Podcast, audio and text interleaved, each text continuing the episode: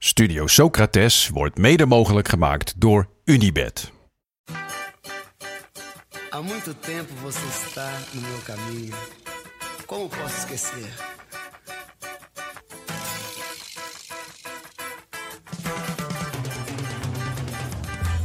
Welkom bij Studio Socrates, een podcast over alles wat voetbal mooi maakt.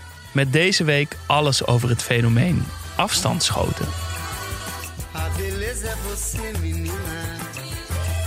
Menina, no seu jeito de olhar.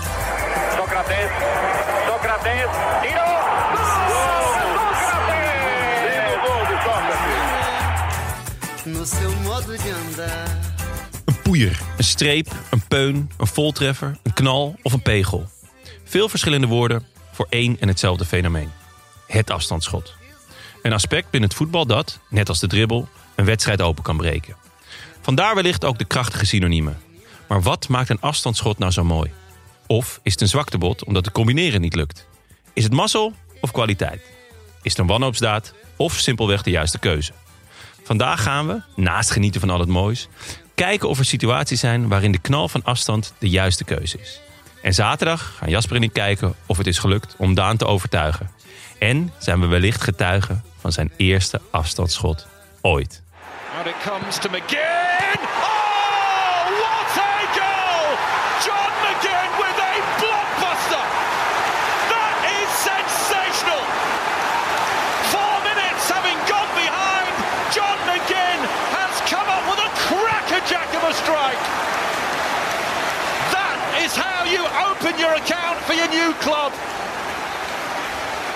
This is a perler. Tell you what, I'll stick my neck out and say that will be the goal of the day without question. Technique, power, accuracy, 1 1. An absolute belter. That is poetry right there. And they always look better when they go in off the underside of the bar, don't they? That was explosive. Aston Villa 1, Sheffield Wednesday 1. They don't get much better than that.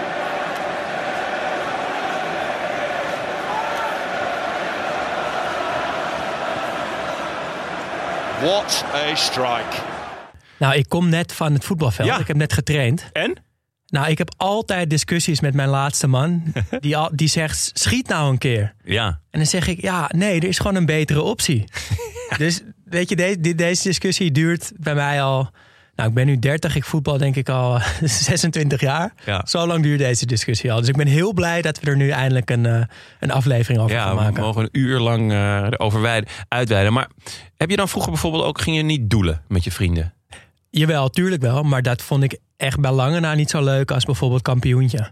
Ja. Want Ja, dat vond ik dan toch een beetje dom rammen op goal. ja. Waarbij, Nu, ook, nu mag je dus eindelijk weer trainen. Dan ligt die bal daar op, op 20 meter van de goal. Dan denk je niet, ah, lekker even, even voor het gevoel. ik leg hem af. Nou, dan geef ik een steekpaas. Eh, even wel nog om het, om het af te maken. Het allervetste spel was natuurlijk gewoon wel tienen, toch? Voor mij kampioentje. Ja? Ja, ik vond kampioentje toch wel vetter. Ja, ik denk het wel. wauw. Oh, Jij Tine? Ja, tienen met Billy. Ja, dat wel. Dat, hoort erbij. Dat heeft maar me echt gehard. Ja, ja, Gewoon- nee, ik vond kampioentje toch nog wel iets leuker. Ja? Ja, maar wij waren met zoveel dat we kampioentje teams speelden. Dus in, in, in teams Ah. van twee, dan waren we echt met 20 man of zo. Dat is wel Dat was wel echt leuk. Dat was Op je echt Highbury. mi- Ja, op Highbury. Was je Ja. middag gewisseld. Ja, dat is Heerlijk. lekker. Jij, Jas? Tienen, kampioentje? Nou, geen voorkeur. Snelheidsspel? Snelheidsspel? Ja, la, eh, latten. Ah, ook leuk. Ja? Ja, ik heb geen, geen voorkeur. Ja, Oké. Hm. Moet kunnen. Hoe is het, boys? Ja, met mij goed. Ja? Ja, zeker. Ik eh, zit hier eh, voldaan. Helemaal verhuisd, groot nieuws? Ja, ik woon samen. Ja. Spannend hoor. je bent nog steeds dezelfde man. Ja. ja, dat wel. Kwiek, ziet er goed uit. Maar ik moet dus wel eerlijk bekennen dat ik steeds denk eh, dat Merel, mijn vriendin, straks weer de deur uitgaat. maar dat is dus niet zo. Ze zit er gewoon. Ze blijft straks. gewoon, ja. Dus als ik straks man. thuis kom, dan ligt ze als een prinsesje te slapen in, in de master Lekker. bedroom. En eh, de verhuizing was die... eh, Door een kamer. Ja, precies. Nee, de verhuizing is soepel gegaan. Ja? Ja, er staan natuurlijk nog wel wat, eh, dozen die nog unboxed moeten worden. Oké, spannend. Maar ehm, Misschien een paar unbox eh, filmpjes. ja, wie weet, wie weet. Leuk. Ja, nee, maar het gaat goed. Het- volgens mij gaat het eh, helemaal eh, gezellig worden. Jas, heeft eh, jouw relatie ook de vorige aflevering overleefd? Ja, ik kreeg wel wat eh, commentaar. Ehm, ik ze zei, ho, wel dus. ik heb het nog heel erg voor je opgenomen. Dat zei ik nog. Ja. Eh, vond ik dat ik dat ook wel had gedaan. Ja. Ehm, en ja, ze had mijn fiets ook laten stelen. Dus ik vond ook dat ik... Ja, dat is Waren de zo. feiten? Ja, dat is zo. Ehm, maar eh, ik heb het zeker overleefd. Oké, en als Gigi morgen belt, dan neem je niet op. Maar dat neem ik wel op. Ik ben wel benieuwd. Toch even luisteren wat ze te zeggen heeft. ja, ik ben wel benieuwd. Eh, snap ik. Ehm, maar die maakt geen kans. Nee, Oké. Nou, Jij jongens. ook? Ja, eh, stabieler dan een driewieler. Je kent mij. Mooi. Mooi. Be- eh, Daan, nu je kun je dan nog een beetje voetbal kijken? Ja, zeker. En dat doe ik ook, eh, dat doe ik ook gewoon nog steeds heel veel. Ik wou ja, net zeggen, dat lukte zelfs op vakantie nog wel. Ja, ja er, je hebt, er, er is altijd een telefoon, een laptop en een televisie Lekker. met gewoon alle online eh, voetbalzenders die je wilt hebben. Ja. En, dus ik eh, heb ook dit weekend weer veel voetbal gekeken. Uh, maar ik heb wel een momentje wat nou ook zich deels op het voetbalveld eh, heeft afgespeeld. Ik ehm, keek namelijk Manchester United, West Ham United dit weekend. Het was echt een oerzaaie wedstrijd. De manier waarop Menu speelt maakt me gewoon echt boos. Want ze hebben een keur aan waanzinnige spelers. Ja. En die stellen ze structureel niet of te weinig op. en dan wel McFred op het middenveld. McTominay en Fred. Ongelooflijk. Maar tegen het einde kwam eh, Anthony Martial erin. En die kantelde echt de wedstrijd. Met snelle dribbles, alles vooruit, man opzoeken, veel durf, op zoek naar het avontuur. Ehm, en toen las ik een paar dagen later dat hij gaat vertrekken. En dat vond ik zulk mooi nieuws. Want dit Manchester United verdient geen Martial in vorm. Verdient ook geen Greenwood. En hij gaat niet naar een andere topclub waar hij dan waarschijnlijk in hetzelfde schuitje zal belanden. Maar hij gaat naar een club net daaronder. Dus naar Sevilla. En ik vind dat zulke mooie transfers. Ja. Want hij gaat daar waarschijnlijk wel alles spelen. En het doet me ook denken aan de transfers waar ik zelf als speler van FM of FIFA altijd naar op zoek was. Gewoon kijken, kijken in Ja. die selecties van topclubs. Wie valt er net buiten de boot en kan ik naar mijn club halen? Dat het, en dat het ook nog wel realistisch is. Ja. Dus dat het in het echt ook zou kunnen. en ik vind dat echt zo'n transfer als deze. Dus Martial van Menu naar Sevilla. En eh, ja, daar heb ik echt zin in. En Sevilla inmiddels echt een eh, ongelooflijk leuk, leuk team met Koundé. Papu Gomez van eh, Atalanta zit daar nu ook. Lamela, Jesus Oh. Corona. En staan eh, maar vier punten achter op Real, op de Ja, nummer één. Klopt, ja. Ze doen het heel Dus goed. eh ze in de Ehm, gaten. Maar dan over Martial. Is hij mislukt bij Manchester? Het, eh, ik weet nog dat hij kwam. eh, voor heel veel geld. Ik ken hem niet of nauwelijks. Van Hij- Gaal kocht hem. En hij deed het ook eerst geweldig, toch? Ik, had, ik dacht, wat gebeurt hier? Wie is dit? Die Ja, ijskoud voor de goal. maar toch... Ja, op een gegeven moment kwam hij op de bank terecht. Een beetje slop erin. Is hij nou gelukt? Of Nee, hij is denk ik wel een beetje mislukt. Maar dat komt dus net zo erg door de club Manchester United als door hem. Ja, Dus dan is er maar één optie en dat is gewoon wegwezen. Ja. Naar een leuke club en dat heeft hij nu gedaan. dat geldt eigenlijk wel voor de halve selectie toch? Van Ja. Manchester United. Precies, ja. Veel leuke spelers. Geen leuk eh, team. Wat maakt eh, voetbal voor jou mooi dit weekend, Jonne? Ja, ehm, ik had het vrijdag al heel kort aangestipt eh, eh, dat ik Ziyech eh, ging, in de gaten ging houden. In de weekendtips. ja, Chelsea speelde tegen Tottenham. En ja, er zijn weinig spelers waar ik zo van genoten heb de afgelopen jaren als, als Hakim Ziyech. Bij Herenveen, bij Twente, later bij Ajax. En ehm, ik heb ook wel eens gedacht van jongen, hij heeft niet een heel hoog aaibaarheidsgehalte. Dus je hebt ook wel eens zoiets van, hè, lach nou gewoon even. Of maak even een gebbetje voor de camera. Waardoor je ja, net een iets hogere eh, likability factor hebt of zo. Maar hij is gewoon niet zo. Eh, en eh, dat, dat is hij overal zo. Eh, bij Herenveen liep het wel eens stroef met het publiek of met de trainer. Bij Twente hetzelfde. Bij Ajax ook. Is hij zelfs uitgefloten, wat ik echt gênant vond. En dat haalt het beste in hem naar boven. En afgelopen week scoorde hij een wereldgoal. eh, en toen juichte hij niet echt. En ze Ah, hij kan het nu toch wel. De vorige keer dat hij scoorde, deed hij inderdaad niks. ja, ja, zag klopt. je Nee, toch dus, wel een die- beetje over die heb ik het. Nee, die- over die eerste die- goal heb ik het. Oh ja. En toen zag je ook zijn, zijn teamgenoten een beetje. Hij had ook een discussie met Lukaku. Dat ik dacht, is hij wel happy? Gaat het wel goed? En ik, check altijd even van, oké, wat heeft Ziyech gedaan? Ah, hij zat weer op de bank. Ah, zure coach. En ik, goh, hè, waarom, waarom zeg je niet gewoon tegen hem, je bent de man, laat het maar zien. Doe gewoon wat je wil. Want dan weet je dat hij gaat toveren. Eh, Maar het is ook vaak als hij rock bottom hit, dan laat hij zijn mooiste dingen zien. En hij was goed, jongen. Hij was elke paas, alles was gevaarlijk. Hij heeft natuurlijk altijd dat hij ontzettend snel druk zet na, zijn, na, na balverlies. Want ja, Heel veel balveroveringen. Klopt, heel veel balverovering. Hij verliest ze ook, maar altijd naar voren. Altijd iets geniaals proberen. Ik hou daar zo ontzettend van. Ja, en toen die goal. Kijk, we gaan het over afstandsschoten hebben vandaag. Eh, ja, goede vraag. Is dit er een, denk ik? Weet ik niet. Hm, misschien wel. Want Ik hij kwam vind- rechts gewoon naar Ik binnen. dit- En hij schilderde hem in de verre Inderdaad. kruising. En hij, hij pakt hem op de binnenkant, maar wel al binnenkant vreef. Dus nou ja, daar gaan we het zo meteen over hebben. Je kan gradaties eh, hebben waarin je een, een, een, een bal op de vreef dan wel de binnenkant pakt. Dit was wel precies zoals hij wou. Dus het, het component geluk zwakt wat af. Ja, heerlijk. Heerlijk. Veel meer in de kruising kan een bal niet gaan. Heel mooi En hij lachte.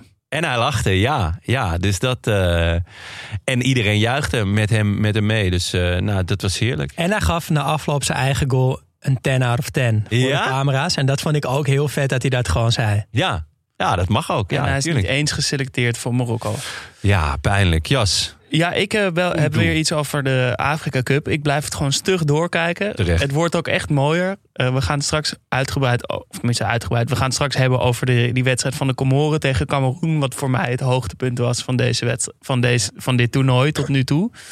Maar wat ik echt mooi vond als detail dit weekend was het juichen van Burkina Faso na een zinderende penaltyreeks. En, eh, En met dat- zinnerend bedoel je slecht, toch? Ja, nou, weet ik niet. Het is een loterij, hè? Nee, ja, het werd 7-6. Er werden vier beslissende penalties gemist. Ja. Ehm, Schitterend. Het had dat alles. was fantastisch. Eh, maar dat ritueel van een winnende penalty is eigenlijk altijd hetzelfde, toch? Als de keeper hem houdt, rent iedereen naar de keeper toe. Ja. Als de, iemand er hem erin schiet, de winnende penalty erin schiet, dan rent hij meestal naar de keeper. Ja. En Die er is, bij elkaar. en er is altijd iemand die de verkeerde kiest. Die dan in zijn eentje naar, naar de speler rent. Ja. Ehm, maar eh, ja, je hebt gewoon die, die hele rij van Ja. het, vanaf het middenlijn, die gaat gewoon zo richting goal. En hier, ja, Ismaila Ouedrago van Burkina Faso, die schiet de 67 erin. Na 18 penalties dus. En hij blijft staan. Hij doet niks. En hij trekt alleen zijn shirt uit. De- zonder echt te juichen of zo. Het is gewoon alsof je iemand zijn shirt uit ziet trekken om iets te doen. Hij, hij staat, kijkt naar voren, doet zijn shirt uit. De keeper, geweldige keeper, die Herve Koffie, die zit op zijn knieën, helemaal in elkaar gedoken, op de rand van de 16 en de achterlijn. Niet echt te kijken van de spanning. Ja. Die ziet dat hij erin gaat, springt op, doet een achtdubbele, nee ik heb het geteld, een vijfdubbele flikvlak met een salto op het eind langs de lijn van de 16, zeg maar richting middenlijn. Tegelijkertijd komen de spelers vanaf de middenlijn juist naar hem toe gerend. Ja, en met die ontblote Ismaila Ouedrago en die keepers zitten helemaal de andere kant aan. Chaos, niemand weet waar ze naartoe moeten. Uiteindelijk gaan ze de Sintelbaan op naar de, naar de fans.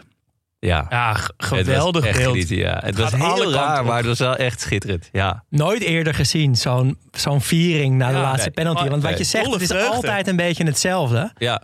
En dit was gewoon compleet anders. Het was zo mooi om te zien. Het En echt- vooral die keeper die dus in zijn eentje die, die flikvlak doet. We hebben Ja, het is ooit... gewoon, eh, gewoon vreugde. Ja, ik heb, ik heb ooit eh, eh, het Europese kampioenschap voor studenten gevoetbald. En we hadden toen eh, een aantal eh, vieringen eh, bedacht. die we zouden gaan doen tijdens dat toernooi. Helaas waren we niet dusdanig goed dat we heel veel hebben gescoord. Waardoor we uiteindelijk maar één viering hebben kunnen doen. De bowlingbal. Die was wel heel vet. Nou, één iemand was de bal. De rest was de kegels. En we rolden hem. En nou ja, we vielen allemaal om. Maar we hadden dus nog een andere. Maar die kwam pas bij goal 4 aan de beurt. Dat was nog lang niet. En dat was... we zouden scoren. En iedereen zou op zijn plek blijven staan. En gaan dansen. maar gewoon op zijn eigen plek. Dus eh, het was echt zo freeze en dan zo moves maken. Ik zie deze wel voor me hoor. Hier, ja, hier leek het wel een beetje op. Want Ja. Iedereen op zijn eigen plek ging gewoon juichen en, eh, en dansen. Maar dan wel juichen in de vorm van vijf flikvlaks. Dat zie ik jou dan toch niet zo heel snel doen. Je weet het niet. Je hè? weet het niet, is het ook niet. zo, dat Ik heb niet stilgezeten deze coronacrisis. Nee, nee, nee. Dit is te zien. Dat is in ieder geval, ja, dat moet ik je meegeven. Goed, voordat we naar de afstandsschoten gaan, dus even de Afrika Cup. De achtste finales zijn begonnen.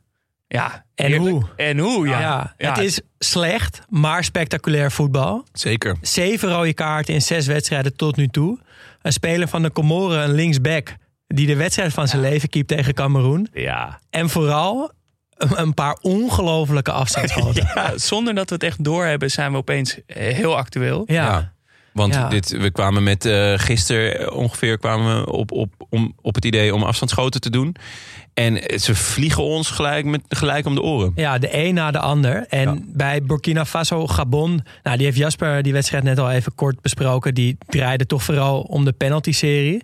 Wel een kleine bijsmaak, want die, eh, er is een staatsgreep aan de gang in Burkina Faso. Het leger heeft de president afgezet en de macht gegrepen. Ja. Dus eh, ja, nou, fijn dat het elftal in ieder geval eh Ja, hopen dat ze ver weet te winnen. Ja. Ja.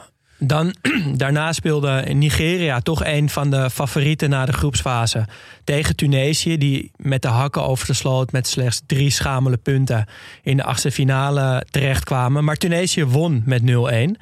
Ehm, en dat was ja, door een schot van afstand. maar wel eentje waar ik als teamgenoot van Mzakni, die scoorde, echt boos om zou worden. Want hij Ja. was in een best wel eh, kansrijke positie. Hij kon, nou, ik wil niet zeggen iemand echt vrij voor de keeper zetten, maar het was in mijn ogen beter geweest om door te combineren. Hij kiest er toch voor om te schieten en die bal vliegt erin. Wel een ketser van eh, de keeper van Okoye. Ja, was niet, niet super gekiept. Ik vond het ook weer niet, niet echt een... Niet een echte blunder, maar hij hoort hem wel te hebben. Klopt, zeker. Ik vind een goede keeper. Zeker. En toen dacht ik ook wel, dat is wel weer een pluspunt van het afstandsschot. Dat de keeper kan een fout maken. Ja, dat gebeurt niet als je, als je weer voor een paas gaat en weer voor Ja, een paas of, gaat. of een rebound. En je Of- ziet dat toch wel best wel vaak. Ja. Wat ik trouwens wel heel jammer vond, was dat eh, Hannibal Mechie, eh, het supertalent van eh, Manchester United, weer niet speelde. En dat ook Kasri, die volgens mij een hele goede poolfase heeft gespeeld, pas na ruim een uur in het veld kwam. Ja. Waarom weet ik eigenlijk niet. Is hij geblesseerd? Is hij gepasseerd? Ehm, hij staat in ieder geval niet meer in ja, de basis. is gewoon... Die heeft Nee, die eerste slechte wedstrijd. eh, Ja, gewoon, die is wel eh, een beetje klaar. Maar ja. Kasri had ik wel in de Ja. basis verwacht. Eh, maar wie weet in de kwartfinale, want ze zijn dus door. Ja, dat is genieten. Guinea versus Gambia werd eh, 0-1 voor Gambia. Kleine verrassing. Leuk, Gambia heeft een Belgische trainer aan het roer. Tom Saintfiet. En die heeft een voetbalcv, jongens. Nou, hij heeft zelf gespeeld bij Stade Leuven, de Zwarte Duivels OH. Oude God Sport. Kie Klasvik In IJsland. in IJsland. Eh, volgens mij, ik had eh, onderzocht, was hij daar eigenlijk al te geblesseerd geraakt om nog te spelen. Maar heeft hij toch nog een binnenlandse transfer gemaakt naar Tvörer Bultevelak. Nou ja, oké, dan denk je, daar liep hij dus al op zijn laatste be- eh, benen. Maar toen is hij nog gaan afbouwen bij Boom FC in België. Of FC Boom. Dat, Of boom. boom, dat zou nog wel... Dat zou op zich... Dit moeten we aan Paling vragen. Ehm, vervolgens is hij trainer geworden. En nou ja, goed, ik heb al vaker de hoop uitgesproken dat, dat wij ook ooit nog een mooie internationale carrière, dan wel voor Indonesië, dan wel voor weet ik veel welk land. eh, eh, Wil je please de hele lijst van Ja, getrainde clubs getrainde slash clubs landen? slash landen. Hij begon bij FC Zammel. Eh, leuk, saillant detail. In welk jaar weet Wikipedia niet. Daar staat een vraagteken. Hetzelfde geldt voor Dessel Sport, de jeugd. Dan in 2002, 2003 B71 Sanduur. Ik denk dat het weer in IJsland is. Eh, hij was assistent bij Stormvogels. Telstar, denk ik. Ehm, daarna naar Al daar was hij ook assistent. Qatar onder 17. BV Kloppenburg in Duitsland. KVO Aarschot, ook een schitterende club in België. Eh, daarna was hij bij FC Emmen. Trainde hij de onder 19, was hij hoofd jeugdopleidingen. Schoof hij daarna door als technisch directeur. En had, in tegenstelling tot de huidige coach toen... ontzettend veel vertrouwen in Bas Dost. En staat dus soort van te boek als de ontdekker van Bas Dost.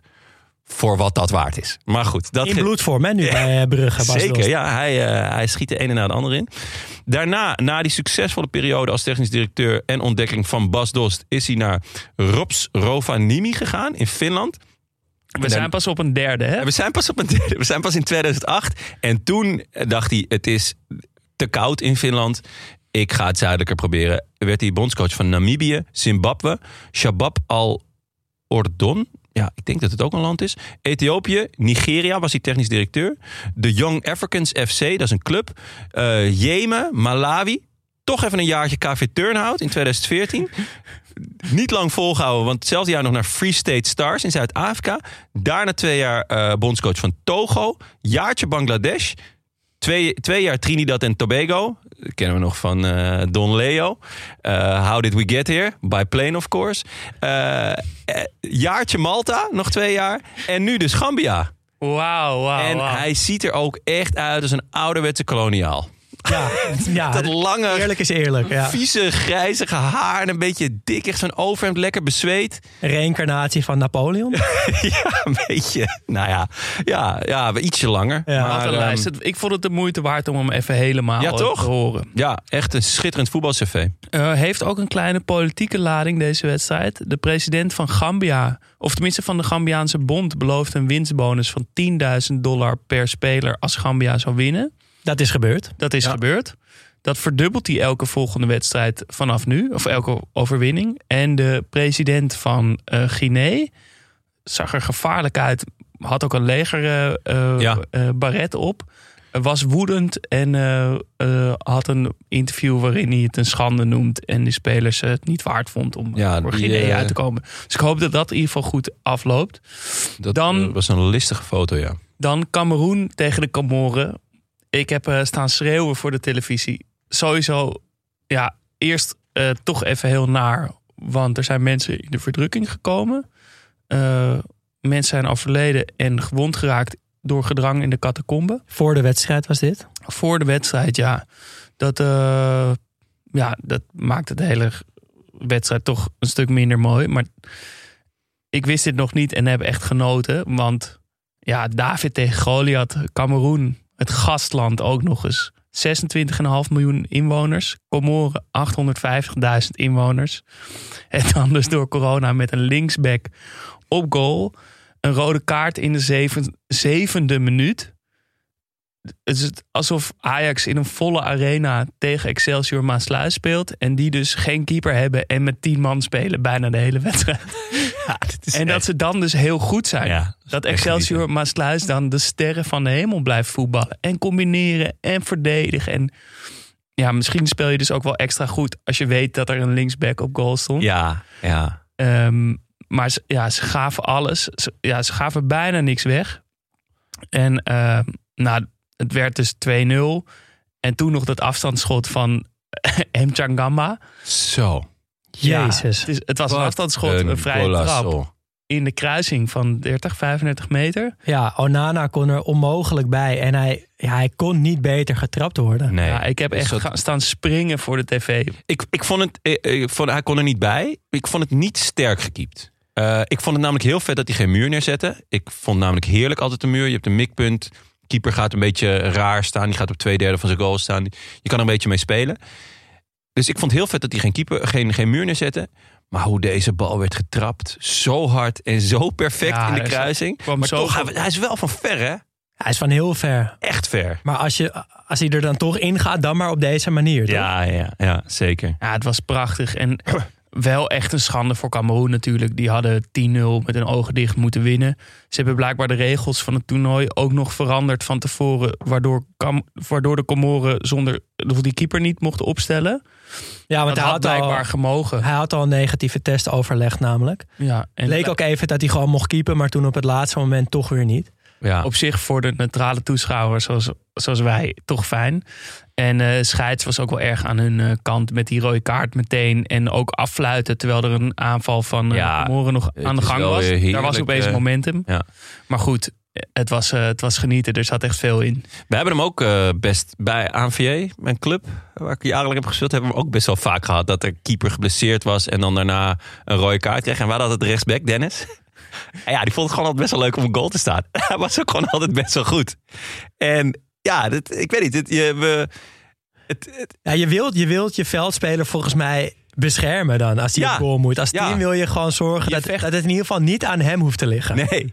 Ja, het is, Nee. en normaal Heb jij mag dat eens je- meegemaakt dan? Ik, ja, ik, heb, ik deed vroeger ook wel eens stiekem mee met vriendenteams. En dan ging Ja. ik gewoon voor de lol op goal staan. Ah, dus dan was ja, ik zelf keeper. Ja. Ehm, en dan had ik dat gevoel ook wel, toch? Dat Ja. dat team me gewoon in bescherming nam door gewoon echt heel goed Ja. te verdedigen. Ja. Maar de- ik hoop er wel eens op in een wedstrijd, toch? Als je Ja. net als neutrale toeschouwer, dan hoop je van, oh, ze zijn al door de wissels heen. Misschien, Ja, weet je wel, lekker eh. Kyle Walker heeft een keer op goal gestaan. Ja. Ik kan me herinneren, Koller ook nog een En keer. Ricky van den Berg bij ADO. Ja, die, die had nog een goede redding. Ja, zeker. Iconische Zeker. beelden, met dan Ja. een te groot keepershirt aan. Ja.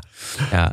Ehm, en ook- nu mochten we er gewoon een hele wedstrijd van genieten. Ja, en ook gewoon vaak zijn die jongens die dan op goal moeten.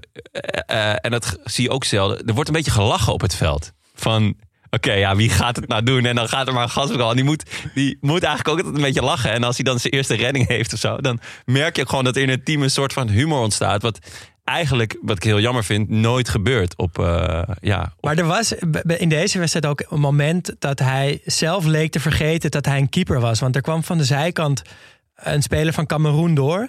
En in plaats van dat hij zich groot maakte, wat een keeper natuurlijk altijd do- doet, had hij zijn handen zo op zijn rug. Als een verdediger die zijn handen Ja. beschermt in de 16 om geen hands te, Oh, maken. En daar is Ja. een hele mooie foto ook van. Oh, het ziet goed, er zo gek uit. Wat goed. Maar sowieso, ja, ik heb hem met zijn hoofd ballen zien wegkoppen. Ik heb hem bovenhands de bal zien ingooien. Zeg maar alsof het een ingooi was. Ja, het was geweldig. En daarom is hij ook Chakar Aladour gekozen tot Klaboe-speler van de week. Uiteraard. Eh Klaboe ontwerpt en verkoopt sportkleding. En met de opbrengsten worden sportclubs in vluchtelingenkampen gestart. En hun slagzin is The Unbeatable Spirit. En wij kiezen namens hun een, eh, een speler die aan, die, eh, aan, die, aan dat Nou. motto voldoet. En dat was natuurlijk Chakar Aladour. Hij is linksback van LB Châteauroux in de Ligue 2. Geboren in Nantes. Speelde ook in de jeugdopleiding van Nantes. Daarna een aantal jaar Ligue 1 gespeeld met Nantes en Kaan. Maar ook een uitstapje naar Aviron Bayonnais in de derde divisie. Nou, dan zal hij toch nog wel ergens getraind zijn als ik dit zo lees door eh, Tom Saint-Fiet. Het zou zomaar kunnen. Eh, en maakte dus maandag zijn debuut voor de Koelakans van de Comoren. Hij- tenminste, in dit toernooi dan. Hij heeft Ja. al wel Interlands gespeeld. Maar op dit toernooi maakte hij zijn debuut in de goal. Ah, wat goed. Ehm, en dan met die getapte nummer drie op zijn Ja. rug. Ik weet niet helemaal waarom dat was. Waarom niet, want hij speelde gewoon met zijn eigen uitshirt volgens mij. Ja. Ja, dat vond ik ook zo. Kon er niet gewoon een keepershirt aan? Of mocht dat ook niet van Cameroen? Ja, ik, ik weet Je niet zou waarom, toch zeggen van... eh, waarom hij dan een ander rugnummer moest. Want, want Ja, hij had gewoon... rug nummer 16 en, een- en de 3 was in tape over de 16 heen het was- gedaan. Dit was een beetje zoals mijn Sinterklaasprijs er altijd uitzien. Het was niet heel goed gedaan. Nee. Dat was Nee, een het beetje was last, heel minute. ja. Ja. Maar ja het, was, ja, het was fantastisch. Want daar- ik, kan me, ja, ik kan me voorstellen dat je dat, dat keepershirt aandoet... en dan je eigen naam achterop zet of zo. Maar Ja. nu, nu had hij volgens mij gewoon het uitshirt aan... en dan met een... Nou goed, Ja, ik, nou ja, vond mooi het, eh, gedaan. ik heb echt genoten ja, van hem. En eh, natuurlijk gingen ze eruit... maar moet nog wel even de Klaboe-speler van de week zijn. Absoluut. Ja, zeker. Mooi. Ja, dan gaan we door naar eh, een van de grote titelfavorieten. Even kort nog. Senegal tegen Kaapverdië. Eh weer een hele vieze wedstrijd eigenlijk van Senegal. Twee rode kaarten voor Kaapverdië. Goaltje Mané. Eh, ja, het gevoel van de poolfase, maar dan een ronde verder. Senegal overtuigt niet, maar wint wel. Ehm, daarna Marokko-Malawi. Ja, net afgelopen. Ja, Malawi komt voor. Wat een Ehm, goal. door een bizar afstandsschot van Mango. We zaten het samen te kijken en ik, ik, ik zeg, Hoe durf je? hoe durf je? Het is echt jammer dat, jou, dat we niet je, je reactie hebben En hij vliegt zo de kruising in. Ja. Ja, het is echt Want ongelooflijk. hij Maar- draait ook nog eens tussen twee man. Er is helemaal geen ruimte ook. Hij uit het draaien een beetje. Keepertje Vanaf stond wel- 40 meter. Ja, Iets dichterbij, maar heel ver, Stond, ja. keepertje stond te ver voor zijn goal. En er kon geen krantje onder. Geen zondageditie. eh die, die, ik, ik Nee, de bij, krab met bijlagen. Dat, zat er echt niet in eh, bij het keepertje. Dus ja. Nee, maar wel eh, heel toevallig dat het weer een afstandsschot is. En Ja. daarna brengt uh, Ensiri eh Marokko op 1-1. En vervolgens doet Hakimi het weer met een vrije trap. Oh, heel mooi. Weer een afstandsschot, kan je misschien wel zeggen? Ja, daar gaan we het Ja. zo over hebben inderdaad. Of een vrije trap als afstandsschot geldt. Ja. Ehm, maar heel toevallig eh, dat ze er bij bosjes invliegen opeens van afstand. Ja, ja. En eh, Ik heb het gezegd hè, in, bij- in de Afrika Cup eh, Ja. in mijn intro. ja, dat is gewoon terug te luisteren. Schoten eh, van afstand en blunders van keepers. Ja. Goed. Ja. Nee, maar we gaan het dus hebben vandaag Ja. over afstandsschoten. ja, leuk. En waarom? Ja, ik, eh, ik moest daar toch wel heel goed over nadenken. Omdat, zoals jullie ongetwijfeld al een beetje hebben gehoord in mijn teksten tot zover, ben ik niet een echte fan van het afstandsschot. Uh, maar ik merkte wel dat het bij de luisteraars erg tot de verbeelding sprak. En ik denk dus dat het komt omdat het afstandsschot van iedereen is. Dat is net zo erg van de amateurvoetballer als van de profvoetballer. Ja. Want als amateurvoetballer kom je met een afstandsschot volgens mij het dichtst bij de profvoetballer die je wilt zijn. Want je hoeft er niet echt wat speciaals voor te kunnen. Je, je schiet gewoon heel hard tegen een bal. Elke amateurvoetballer die kan dat. En dat is bij een steekpaas Nou, of een dribbel of een vrije trap is dat volgens mij veel moeilijker. En een afstandsschot, toch wel bijna elke amateurvoetballer heeft hem een keer gemaakt in zijn leven. Zo'n pegel van afstand. Nou, Dat denk ik toch wel. Ik denk dat een Dirk van Moorselaar hier eh, gaat protesteren. Maar we, hadden dus één jongen in het team die deed ook nooit mee met de afrondoefeningen. Tenminste, daar ging hij alles stiften. Want die kon gewoon niet schieten. En zo zijn er natuurlijk wel meer. Maar dan... dan het, het, het is... Ja, je kan hem altijd goed raken. Maar da, je, jij trekt hem nu wel heel erg in de geluksfactor. Want er zijn natuurlijk toch ook gewoon wel mensen die vaker een afstandsschot Jawel, maar scoren dit dan was, één mijn, keer. dit was mijn eerste gevoel Ja. bij, bij, die, bij dat afstandsschot. En natuurlijk, we zijn er wat dieper ingedoken. En je hebt ook spelers die opvallend vaak van afstand scoren natuurlijk. Ehm, je kan ook jezelf afvragen, inderdaad, zo'n goal van Ziyech, is dat een afstandsschot? Nou, waarschijnlijk wel. En dan is het gewoon heel mooi met een kleine geluksfactor. Dus er valt genoeg... Ja, kijk, als je, is het geluk als je het bedoelt? Dat is natuurlijk altijd, ja, met een afstandsschot misschien dus wel. Er wordt wel vaak gezegd, moet je een beetje geluk bij hebben. Toch met sommige rare goals, zoals bijvoorbeeld die van de Vaart met die eh, schorpioenen goal. Is dat geluk? Nee, want hij, hij probeert dat wel te doen. Ja. Maar ja, met een afstandsschot pro- probeer je hem ook in de kruising te schieten. Ja, maar volgens Ja. mij is het verschil dat je met een afstandsschot, als je eh, beetje gaat doordenken welke opties je nog meer hebt, dat er vaak een betere optie is. Dus dat de keuze in eerste instantie om van afstand te schieten niet de juiste keuze is. Ik, ik had bijvoorbeeld Gio van Bronckhorst tegen Uruguay. Die Ja. werd heel veel ingestuurd. Ja. Schitterende goal, tuurlijk. Alleen, je kan je wel afvragen, wat haalt hij zich in zijn hoofd om van die afstand Hoe bijna durf je? praktisch uit stilstand op goal te schieten? Ik weet ook dat ik dat dacht. Toch? Niet doen! Ja, Ja. de kans dat hij erin gaat is praktisch nul. Ja. En toch doet hij het. Eh, wat trouwens ook wel weer wat romantisch heeft. Iets tragisch bijna. Van je weet dat het bijna zeker niet gaat lukken en toch doe je het. Ja. Aan de andere kant, wat, wat waren zijn opties op dat moment? Nou, bouwen aan een aanval. Ja, maar bij elke paas of bij elke aanname of bij- zit ook weer een risico dat je de bal verliest. Kijk, Zo Ik- snel mogelijk schieten. Nou ja, dat, dat, is, dat is soms ook overigens wel mijn motto. Maar ik ben fan van het afstandsschot, maar ik ben inderdaad geen fan van de geluksfactor. Maar waarom Dus- ben je fan van het afstandsschot dan? Eh, Waar zit dat dan in? Nou, ten eerste de esthetiek.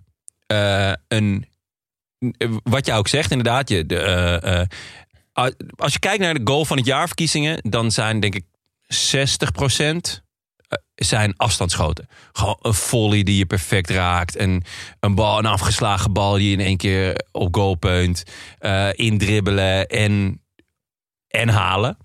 Dus gewoon puur esthetisch. Het is ook het allermooiste natuurlijk als hij, als hij in de kruising vliegt of onderkant lat. Daar gaan we het zo nog even over hebben.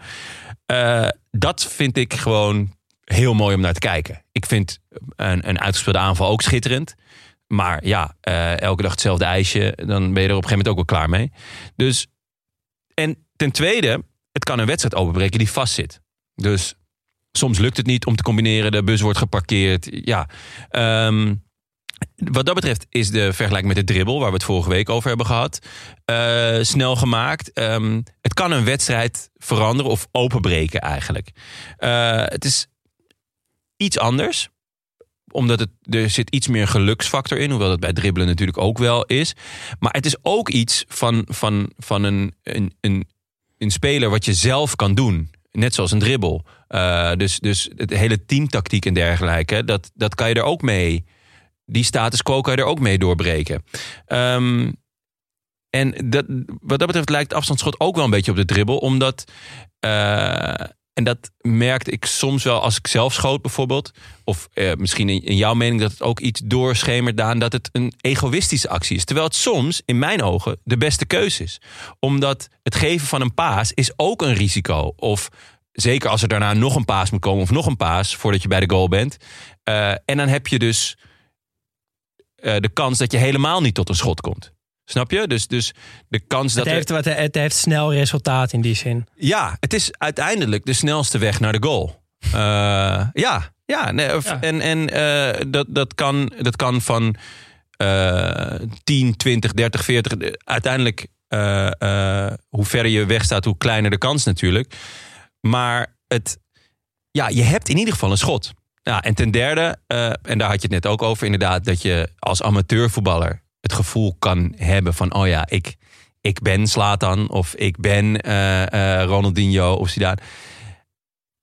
Dat gevoel dat je zelf hebt als die, als die bal van afstand... Uh, dat hij erin gaat. Ik het heb een paar goals de... in me gemaakt. En die kan ik zo gewoon nog... Die staan zo op een netvlies gebrand. Ja, zo lekker. Ja, want het is ook zo een, lekker. misschien wel de enige goal waar je al van kan genieten als hij onderweg is, omdat hij een lange afstand ja. aflegt. Ik vind dat ook een prachtig moment, dat nakijken, dat gaat het lukken, weet je wel. Soms weet je, denk ik, als, hij, als je hem trapt, dat hij erin gaat. Maar ja, soms ik heb hem wel eens omgedraaid. Niet. Toen uh, was van, was, speelde ik in Rusland en toen speelde we een oefenwedstrijd. En ik schoot vanaf de middenlijn. En, want Kipi stond ver voor zijn goal. En ik wist dat hij erin ging. En toen heb ik omgedraaid, heb ik gejuicht. Jezus, ja, heerlijk. Echt heerlijk. Schrikkelijk. Ja. Ik was niet geliefd daarna. Ben ik, kan ik me voorstellen. Toch maar teruggekomen naar Nederland. Ik ben gevlucht, ja. Ja, ja wat ik hier aan toe wil voegen is denk ik... Tuurlijk, die mazzel, daar heb ik ook moeite mee met die geluksfactor. Maar ik denk dat ik het mooi vind omdat het kan. Zeg maar dat voetbal de sport is dat dat, dat kan. Ik denk dat er bij veel sporten is het ligt die mogelijkheid er niet eens. Met handbal of zo. Of dat, je kan een keeper denk ik niet verrassen met handbal van 30 meter. Of, nee. tenminste, ik weet niet hoe groot die, precies hoe groot die velden zijn. Maar nee, ja. gewoon dat voetbal zo vrij en creatief en open is dat je dit kan doen. Ja. Vind ik fantastisch. Toch dat het zo maakbaar is. Um, en daarbij denk ik ook het gevoel wat er in zo'n schot kan samenkomen soms is het een factor geluk, maar soms is het denk ik geen rationele keuze. Maar komt er zoveel uit of zo? Of een soort. Is het een ja, soort. En je doet explosie van ja, emoties en. Nou, in wat jij nu omschrijft, doe je het misschien wel bijna samen met het hele stadion. Ja, precies. Ja. Je, Want in Engeland hoor je letterlijk op de televisie als een bal afslaat, shoot, shoot. Gewoon Ja, het hele ja, ja, stadion ja. wil dat je dat doet. Tuurlijk. En ja, ik moet ook meteen, en dat werd ook wel ingezonden, aan compagnie denken in die beslissende wedstrijd van de Premier League. 0-0 tegen Leicester volgens mij. Ze moeten winnen eh, om kampioen te worden. Het lukt niet, het lukt niet, het lukt niet. En hij komt gewoon aan en rost die bal. Nou, ook weer blessureleed en zo. En dan zit er zoveel in. En dan zit er meer in dat schot dan alleen een soort egoïstische keus van... ik schiet eens een keer van afstand. Ja. En dan gaat hij er dus ook in. Ja, Ja. prachtig. Terwijl na afloop zowel Guardiola als Aguero vertelden voor de camera dat ze op het moment dat compagnie zijn been erachter haalde, allebei riepen: Don't shoot, don't do it. Hij deed het toch? Heerlijk. En hij vloog de kruising in en Ja. City eh, werd een week later kampioen. ja. Nog één eh, ding. Overigens zei Guardiola later daar wel over van... Ja, hij zei nee, don't shoot. Maar toen deed hij het en toen zei hij ook van ja... Dan was het ook de juiste keuze. Daarom. En het, ja. nou ja, hij zei dit is, dit is de vrijheid die ze hebben. Want zij zijn de artiesten. ja. Nee, dat, dat is ook zo. En, en zoals jij Jasper het beschrijft... wordt het inderdaad een soort van artistieke handeling. Ja, of tenminste, nou, niet artistiek, Omdat er maar soort... zeg maar de, de voetballers zijn de artiesten en de, en de, de creatievelingen op het veld. En creativiteit kan hem natuurlijk zitten in een dribbel of een paas of, of een bepaalde tak. Maar er zit hem natuurlijk ook in dat je gewoon denkt van ja, nu ga ik de bal zo schieten en, en gaat hij er zo in. Ja. Ja, dat, ja, ja, dat denk ik ook. Maar ik denk eh, vooral de soort, dat het niet in een rationele keuze meer is, maar dan Ja. een soort samenkomst van een heleboel verschillende factoren. Ja. En we hebben het nu steeds over- over afstandsschoten, over eigenlijk goals van afstand. Maar ik vind het afstandsschot hoeft. de- de- ik denk dat er ook heel veel schoonheid is in het afstandsschot wat de lat raakt. Dat is misschien Ja. wel mooier, want dan heb je die, die. Want je doet het al een beetje tegen beter weten in. En dan lukt het bijna. Dat, daar zit eigenlijk meer schoonheid in. Dat zo'n zo'n bal die op de lat kapot spat. Ja. Een prachtig schot. Dat je dus ook even hebt gedacht dat hij erin Ja, zou gaan. En dat het dan vijf centimeter te Schitterende hoog is. geluid. Ja, prachtig. Ja. Keeper aan de grond genageld. Ja. En aan Misschien wie, wel mooier. aan wie moet je denken als je denkt aan het afstandsschot? Is er een speler die meteen on top of mind is? Eh, ja, eh, Xabi Alonso. Want eh, de man is beroemd vanwege zijn passes. Scoorde bijna nooit. Toch verdedigende middenvelder. Maar trainde elke dag in zijn eentje op trappen vanaf de middenlijn. Heel vet. Gewoon omdat hij dat mooi vond. Hij had Eh, ook wel echt, e- echt zo'n mooie trap. Zo Ja. beheerst. Ja. Sowieso zo'n Heel hele rustig. stijl van spelen Ja. natuurlijk heel beheerst. Ehm, maar als hij scoorde was het dus vaak van enorme afstand. Scoorde in 2006 twee keer van eigen helft. Eentje tegen Luton Town in de FA Cup. één keer tegen Newcastle. En die is verreweg het mooiste. Ja. Want daar zie je dat het een heel duidelijk een keuze is. Want hij onderschept zelf de bal voor de, zeg maar halverwege zijn eigen helft. Kijkt om zich heen, wil de bal naar Kuit pasen. Nooit doen. Nooit doen. Dat dacht hij ook. hij draait terug. Dat vind ik dat ook meegenomen moet worden. Hè? Naar wie zou je hem dan eventueel pasen? Ga je schieten of paas je hem naar Dirk uit? Nog een al- stukje altijd- kansberekening. Ja. Nou, eh, goed, kijkt om zich heen, draait nog een keer, geen opties. En besluit dus eigenlijk bijna uit stilstand te schieten. Tikt hem één stap voor zich uit en schiet dus van voor de, voor de middencirkel nog. En die keeper die strompelt helemaal lekker, die valt er lekker in. ja. En hij juicht als eerste met, met uh, Pepe Reina, de keeper. Zo dicht stond hij dus bij zijn eigen goal. Ja, is mooi. Dat is heel mooi. Dat is wel vet. Ik vind wel, ehm, wat ik, nou ja, eh, niet om eh, heel erg op te schrijven, maar ik heb ook best vaak eh, eh, van de middenlijn gescoord. Ik heb het ook heel vaak geprobeerd, eh, tot vervelend toe van mijn teamgenoten, moet ook gezegd worden. Maar Ik ben echt blij dat wij niet samen hebben gespeeld. ik denk ook, ik weet niet of dat geboterd had. Ik weet niet of dat geboterd had. Jullie Ehm, maar een podcast maken. Ehm, maar ik vind dat eerlijk gezegd niet een afstandsschot. Het is namelijk de manier waarop je trapt. Eh, ik trapte deze ballen nooit eh, als, zoals ik een schot zou trappen. Ik trapte ze veel beheerster. Dus Meer als een crosspaas. eigenlijk als een crosspaas. Eh, want Met rondje. ja, nou ja, serieus. Ja, ik, eh, dus, ik pakte hem op de vreef en je, ik eh, zweef, of ik haalde hem eigenlijk nauwelijks door. Dus je, eh, het, het- de techniek was voor mij veel beheerster dan als ik bijvoorbeeld eh, vanaf 30 meter, waar, waarin je echt vol op je vreef moet vertrouwen. Eh, dus dat je hem echt hard moet raken. Omdat, want nu was het eigenlijk altijd: hè, keepertje staat te ver voor zijn goal. Je zit er op de azen. En dan ga je ervoor. Dus het, ik vond het niet zozeer, zeker zoals hij hem trapte, niet echt een schot. Eh, maar veel meer een, eh, een, een paas eigenlijk. En een paas over 50 meter is best te overzien namelijk. Het is gewoon, dat is niet En ook, eh, heel, heel, heel moeilijk technisch. ook dat kon Xabi Alonso als geen ander. Ja, zeker. quote van Crouch, die hier mooi op aansluit. Ehm, die zegt: Before the Champions League final, we were in Portugal and we went go-karting. We went round and I come in and I flew into the pit. Obviously, where you're supposed to stop. I thought, right, I'll break just right now. No breaks whatsoever. so I've seen Xabi Alonso and I've seen Kuit and I thought, who's more valuable? So I swerved into Kuit. Oh, wat goed zeg. dus die had het ook wel door. Ja, oh, lekker. Daan.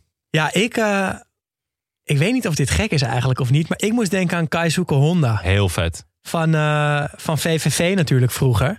En wat ik zo vet vond aan zijn afstandsschoten... is dat hij verschillende vari- varianten in zijn arsenaal had. Ja. Want hij had die knuckelbal van Ja. Juninho. Hè, die vrije trap kon hij zo trappen. Maar ook eh, een bal in, in het spel kon hij zo trappen. Hij had gewoon die hele strakke. Ja. Hij had een beetje die dwarrelbal die niet per se heel erg de hoogte ingaat... maar wel alle kanten op vliegt. En dat Had maakte... ook een krul nog. Zeker, hij had ook nog een hele mooie krul. En het feit dat hij dat voor mij tenminste het eerst liet zien in de koel. Maakte het allemaal nog mooier, want die trap hoorde daar niet thuis. Dat zag je meteen al. Die was De veel te goed. de koel. De trap van de kool, ja. de trap van de koel, ja. Ja, Ja, hoort wel misschien hoorde hij er dan wel thuis. Ja. Maar die, hij Nee, was veel klopt. te Hij goed. was en echt de vlag op de modderschuit. dat is echt niet normaal. En daarna heeft hij het ook gewoon laten zien in San Siro. Ja. Dus dat klopte wel wat ik toen Ja. dacht. Maar ik moest op een of andere gekke manier gewoon ja, aan, heel aan vet. Honda denken. Zeker omdat hij zoveel verschillende manieren van trappen had. Ja. Wat echt, eh, ja, En ik heel heb vet. één filmpje nog even teruggekeken. En wat me ook nog opviel. En dat heb ik eigenlijk volgens mij niet zo, niet zo veel vaker gezien. Is dat als hij trapt. eh, hij raakt de bal met links. Het was een linkspoot. Dat hij dan op het moment dat hij de bal raakt met zijn rechterbeen ook opspringt. Ja, ja dat, dat, Hele rare dat- techniek. Ja, klopt. Dat, is, eh, dat zie je niet vaak. Maar dat is echt heel, heel vreemd. Ik Ja. vind het altijd Hij heel raar als... zijn standbeen van de grond. Ja. Ja, dus dan trapt hij de bal en dan springt hij tegelijkertijd met zijn stambeen op. Ja, ik heb het zelf ook wel, wel een paar keer geprobeerd. Omdat ik het, ik, dan had ik het gezien bij een voetbal. denk ik van, oké, wat doet dat dan met een bal?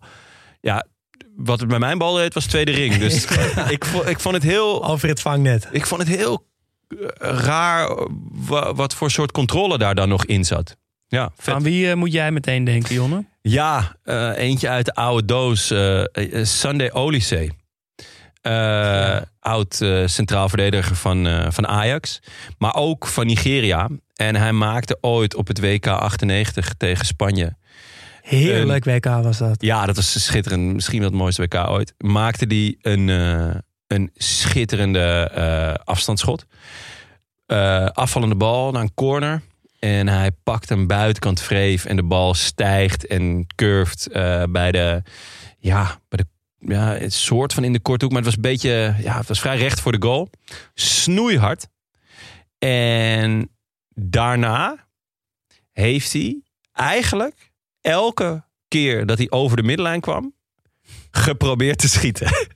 hij, ja, dat is echt zo'n. eh, het, het, het was gewoon één keer gelukt. En daarna volgens mij nooit meer. Ik weet niet, hebben jullie bij Ajax wel eens, wel eens een, eh, een goede... Want hij ging dan ook altijd dan die, die vrije trappen nemen. Die werden dan aangelegd. En dan schoot hij. En ze gingen altijd richting cornervlag. En ja, dat was echt...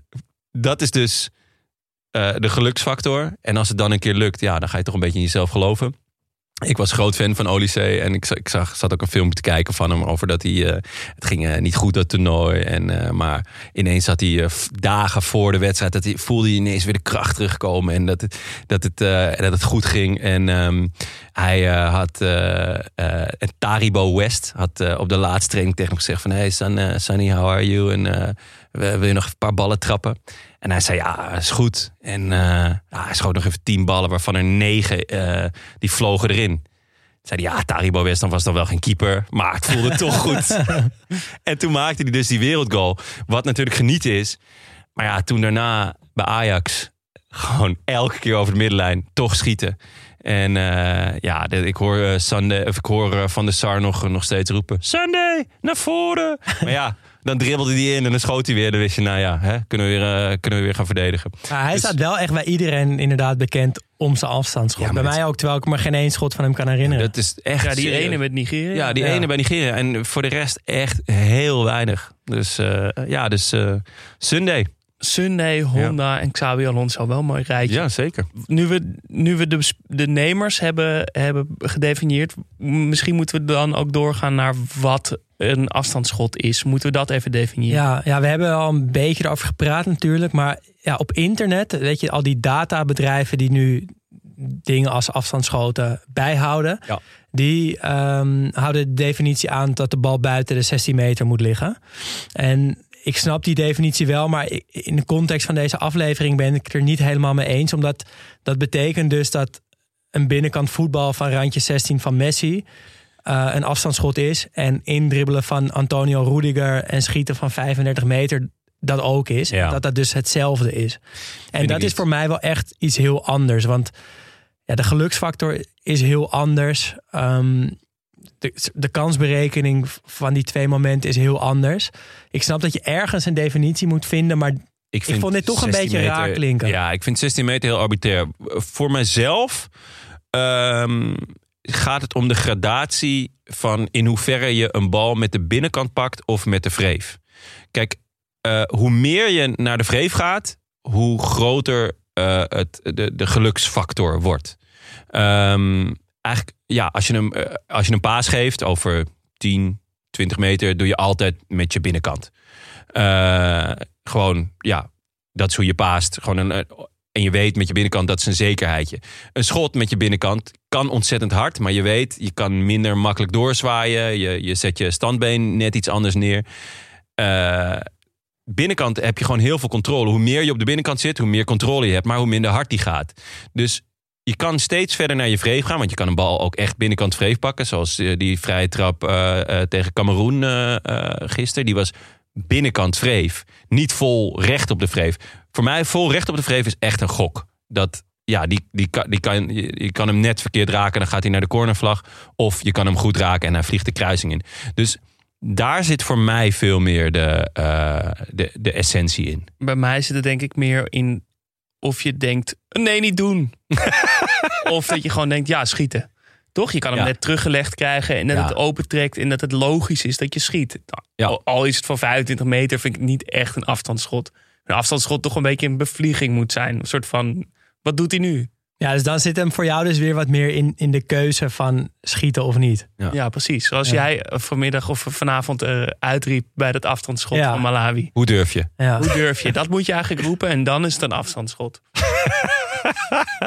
Ik vind dit wel een leuke definitie. Vind ik ik, zal mooi, eh, hè? Opta Sports even, even bellen dat ze voortaan zo moeten rekenen. Ja. Ehm, want zij zijn dus wel heel erg bezig met het fenomeen afstandsschoten.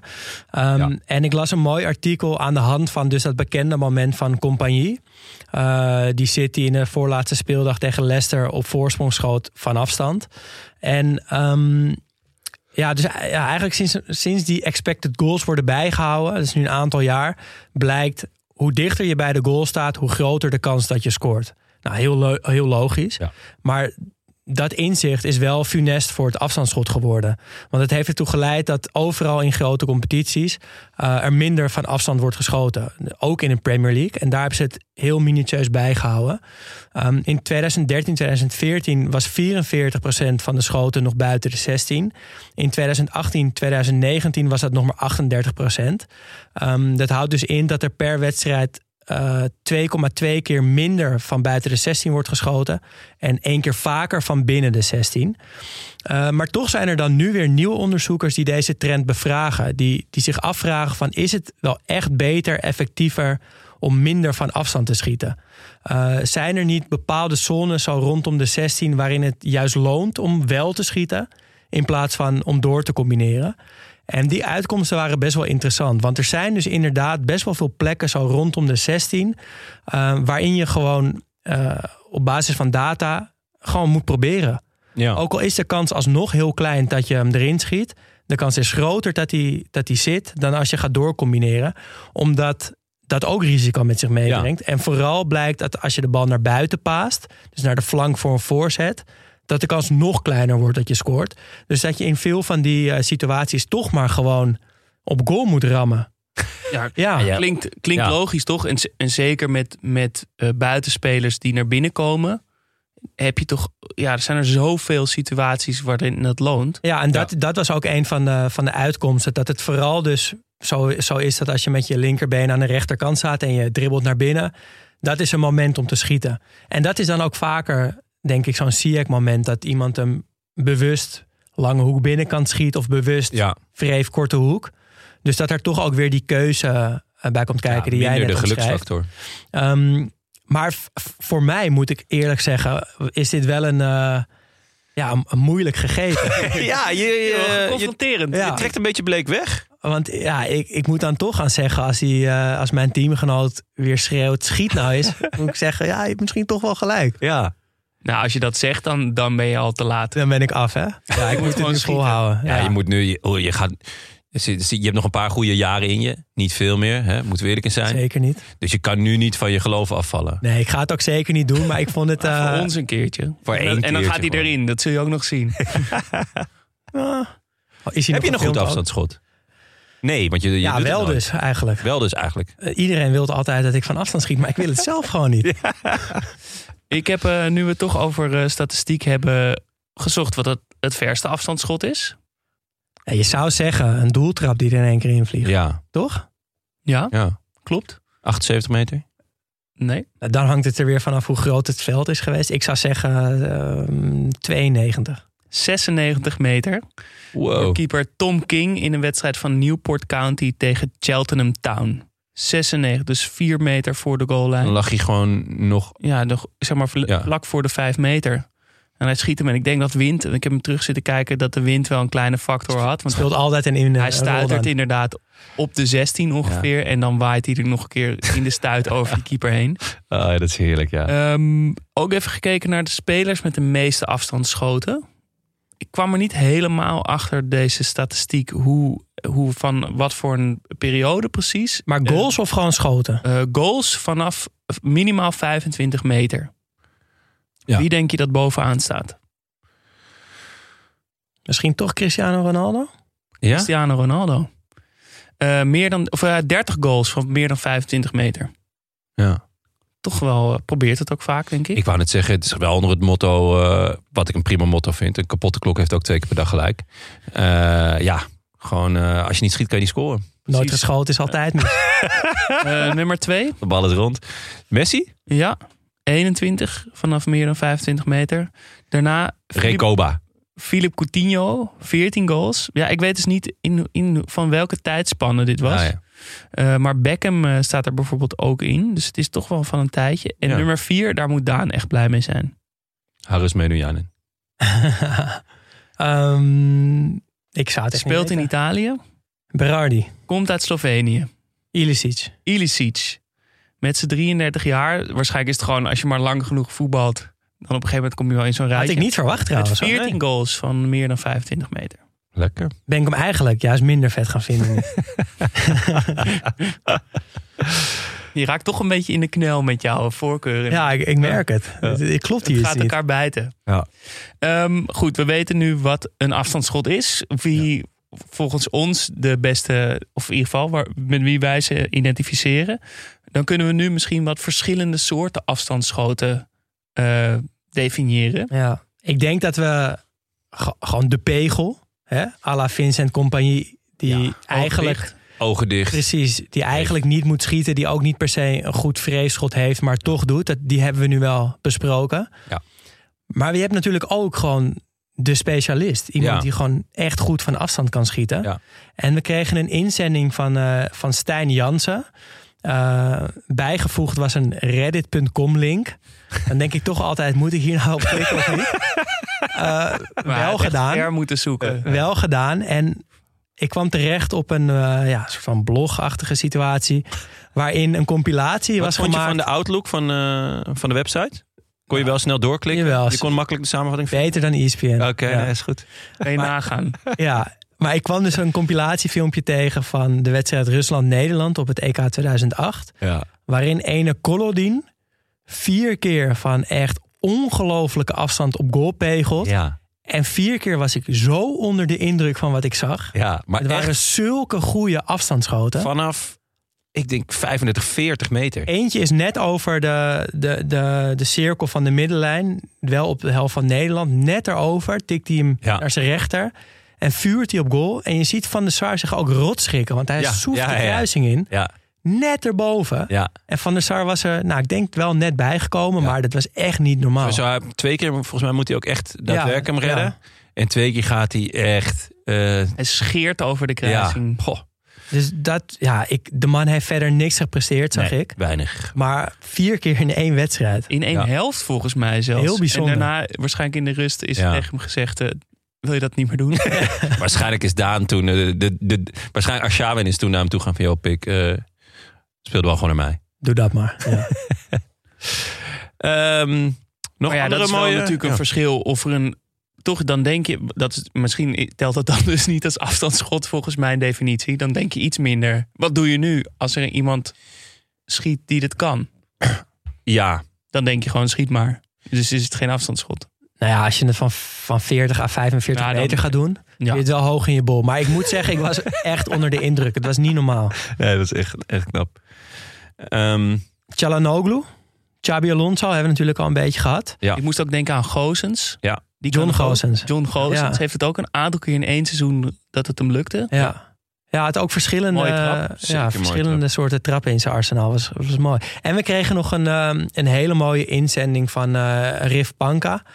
Ehm, die vond namelijk dat, eh, ja, dat we het allemaal altijd hebben over Roberto Carlos. Als we het hebben over afstandsschoten en Brazilianen. Maar eh, er was nog iemand eerder. En dat is namelijk Eder. Die speelde in het geweldige Brazilië van 82, waar dus ook Socrates in speelde. En eh, die werd ook wel het kanon genoemd. Dat was zijn bijnaam. Je hebt ook een mooi YouTube-filmpje waarin dat ook in de titel staat. En eh, dat was de inspiratiebron van Roberto Carlos. Wat me opviel was dat het een linksbuiten was. Dat zie je toch ook niet zo vaak. Dat, dat Nee. er dan een aanvaller is die ook gewoon vrije trappen neemt van heel ver. Die, die Vorige af- week Brandley Koewas. Ja, nou ja, ja, maar die had niet per se een hele goede... Oh, jawel hoor. Die had Ja, maar niet, lekkere peun ook hoor. maar niet een kanonskogel. Die had meer een soort van schot met gevoel in mijn herinnering. Ja, ook wel een zwabbertje hoor. Zat Ja, een zwabbertje. en een streep had hij ook wel. Ja. Nou, ik zou hem niet het kanon willen noemen. zou- Nee, nee, nee. nee. En zo Het werd, kanon eh, is- werd deze Eder dus wel genoemd. En ik heb dat filmpje zitten kijken en eh, dat doet echt zijn naam eer aan. Ehm, dus ook, eh, ook zeker een aanrader, Eder van Brazilië. Ja, Ehm, dan het geplaatste schot van afstand. Ja, wel ook al benoemd. Hè? Vooral denk ik een buitenspeler die naar binnen komt. Ja, ik vond ik- afgelopen weekend Ziyech is het, het perfecte voorbeeld. Hij gaf zichzelf een 10 van 10 en, en terecht. Ja, dat is gewoon. eh, daar zit in mijn ogen niet heel veel geluk bij. Geen en dus is het schitterend, want het is gewoon een kwaliteit. Nee, ja, ik, vind- ik vind dit eigenlijk geen afstandsschot. Dit is gewoon, nou ja, jij noemde net Messi op de 16. Je weet gewoon, Messi op de 16, ja, ik- zes van de tien ballen gaan erin. Hij schuift hem laag in de hoek. En ja, dat is een verschil met, met, met eh, ja, ogen dicht en eh vreef er tegenaan. Nou, een luisteraar, eh, Timmy Soprano, die verwoordde het heel mooi. Die zei, eh, je, je hebt een kanonskogel en een precisiebombardement. Ja, En dat van Ziyech zou ik gewoon onder die tweede noemer willen scharen. Ja. Is ook mooier. Ja. Ja. De vrije trap. Ja, telt Mogen we- dat? Ja, ik denk dus toch eigenlijk wel. nee, juist niet. Nee? Maar Nee, want- daar zit per definitie toch een idee achter. Ja, tenzij de vrije trap is al à la per schuurs. Dus Ja, we gaan hem afleggen en en schiet. En laag. God mag weten waarom hij ze elke keer mag nemen. Maar eh, dat is dat, de- die afleggen. De, bij Odyssee gebeurt het ook altijd een beetje God zegen de greep. Maar ik vind juist eh, een stilliggende bal Ja, je hebt wel gelijk. met een muur en een keeper waarmee je een soort van psychologisch spel kan spelen. Van oké, welke hoek ga jij gokken? Welke hoek ga ik dan eh, doen? Hoog, laag. Ehm, misschien eh, zeker zo'n bal, zo'n indraaiende bal vanaf de zijkant, weet je wel, met allemaal inlopende mensen. Daar zit, daar, daar zit juist een idee achter. Ik vind juist dat de factor geluk daar wordt geminimaliseerd. En dus is het minder eh, een, een, ehm, Ja. ja, je hebt natuurlijk ook gewoon echte vrije minder- trappen ja, een kanonschot. Ja. gewoon echt heel goed zijn. Pernambucano. Ja, ook al veel besproken hier. Lasse Schöne. ja, zeker. Die hem toch wel heel bewust... een- die die zwabber nog, de zwabber bijna nog stuurt ook nog eens. Ja, Ja. en ook verschillende soorten trappen heeft. Want, eh, want eh Schöne heeft, heeft ook die korte, die korte eh, eh, boogbal, eh, de, dus de krul. Eh, en eh, nou ja, ik vind gewoon die, de, de vreeftrap en de streep, ja, dat, dat is wel gewoon een kanon. Ehm, maar een, een, gewoon echt een, een krul is, is gewoon een, eh, een precisiebombardement. Waar veel ook, eh, wanneer er veel geschoten wordt, is denk ik ook met afgeslagen corners. Of voor, ja, vooral corners. Dat vind ik dus een hele goede reden om te schieten. Want als je daar de bal verliest, dan zit je vaak in de problemen. Want dan leid je een gevaarlijke counter in. Dus ik snap heel goed dat spelers op dat moment kiezen voor een schot. Ook al is de kans heel klein dat, die, dat je hem goed raakt, dat hij erin gaat. Maar goed, Maar je hebt je in ieder de geval een rebound, counter, want er staan veel mensen voorkomen. voor de goal. Hij kan nog van richting veranderd Ja. worden. Dus dat snap ik wel. Bovendien, als je die niet schiet, dan ben je geen liefhebber. En je wil niet bekend staan als niet een liefhebber. Je staat op de 16 De omdat Robben. je een liefhebber bent. Toch? Oh nee, Robben die schiet hem in, in Die kwam in één keer. Ik moet denken aan eh, Thiago van laatst. Ja, Ja, en, Maar is ja, dat ja. een afgeslagen Dat hij naar achter liep en, eh die En dat hij zo-. Poh. Zo en. Gaiska Mendieta. Ja, Ja, ja, zeker. ja. Oh Ja. man. En dan het summum van de afstandsschoten is gewoon van, van de middenlijn of van eigen helft of net daarvoor over de keeper heen. Ja, Ja, dat je ziet die keeper staan en je denkt, ik kan hem er... Ja, Dit ik, ik vind dit, dit dus een ander type trap. Maar ja, hij is wel van afstand. Ja, het is toch, ik vind het wel het summum van, van, van het afstandsschot. En ik, volgens mij is dit ook iets wat veel spelers op een soort bucketlist hebben staan. Wel Net als een omhaal, toch? Ik wil Ja, altijd nog een keer met een omhaal scoren. Ja. Ik wil ook nog altijd een keer vanaf de middenlijn. Ja, maar het grappige is dus dat ik, eh, eh, dus waar we het net over hadden, dus vanaf de 16 of vanaf 20 of 25 meter, dat is best wel gecontroleerd. Je kan hem met je binnenkant vreef, binnenkant, binnenkant pakken. En vanaf 40, vij- of vanaf, vanaf eigen helft is ook heel erg gecontroleerd. Tenminste, in, in mijn ogen. Nou, we hebben Ja. een luisteraar die, eh, die hier een hele duidelijke mening over heeft. En die dat eh, middels een spraakbericht ons heeft toegestuurd. Het is misschien leuk om daar even eh, naar te luisteren. Ja, jongens, met Matthijs van Asselt spreek je. hey, ik moet even wat kwijt. Want er zullen waarschijnlijk mensen zijn die voor deze uitzending van die hele lange halen vanaf de middenlijn hebben ingezonden. Weet je wel, van grote spelers zoals Xabi Alonso, David Beckham, Wayne Rooney, Alfred Schreuder, Paul Bosveld. hey, en eh, we moeten het even over hebben, want weet je wat het daarmee is? Het zijn allemaal, stuk voor stuk, ontzettende gelukstreffers. Altijd, en zonder uitzonder- uitzondering, zijn het keepersfouten. Die horen gewoon niet in YouTube-compilaties van wondergoals thuis, maar van ontzettende blunders. Lachbandje eronder, Hans K. Junior voice-overtje erbij, beetje om de boel te duiden. Lachen geblazen. Hé, hey, en begrijp me niet verkeerd. Elke keer dat ik er zelf weer eentje zo maakte, was ik echt wel even blij. Maar wat mij betreft horen ze gewoon niet thuis in deze aflevering. En ik hoor graag wie hier met mij even over in discussie wil. Goeden. Nou, wij willen er hier wel even mee eh, in discussie. Moet even gezegd Matthijs worden. van Asselt. Matthijs van Asselt, eh, houder van de Louis van Gaal voetbaltabelkaal. En eh, Wisselbeker. wisselbeker zeker. Voetbalquiz die wij georganiseerd hebben in het Felix Meritus. En- eh, heb ook zomer. wel eens een eh, Europees kampioenschap met hem gespeeld. En hij heeft een mooie linker. Eh, maar hij heeft hier wel echt ongelijk hoor. Ik vind het ook. eh, ik vind wel dat de keepers er vaak niet goed uitzien. Maar het is gewoon niet altijd eh, eh, een fout.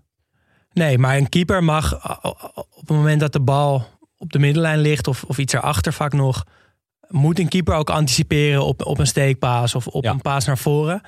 Als je dan iets buiten je 16 staat of, of binnen je 16, maar wel ver voor je goal en iemand trapt hem met enorme precisie en snelheid over je heen de goal Ja. in. Ja, zoals bijvoorbeeld Chic op het, eh, op het EK of eh, Korea laatst. Atletico Madrid deed ook. Die onderschepte de bal, schoot hem in één keer over de keeper heen. Ja, dat kan je het geen blunder van een keeper noemen, vind ik. Nee.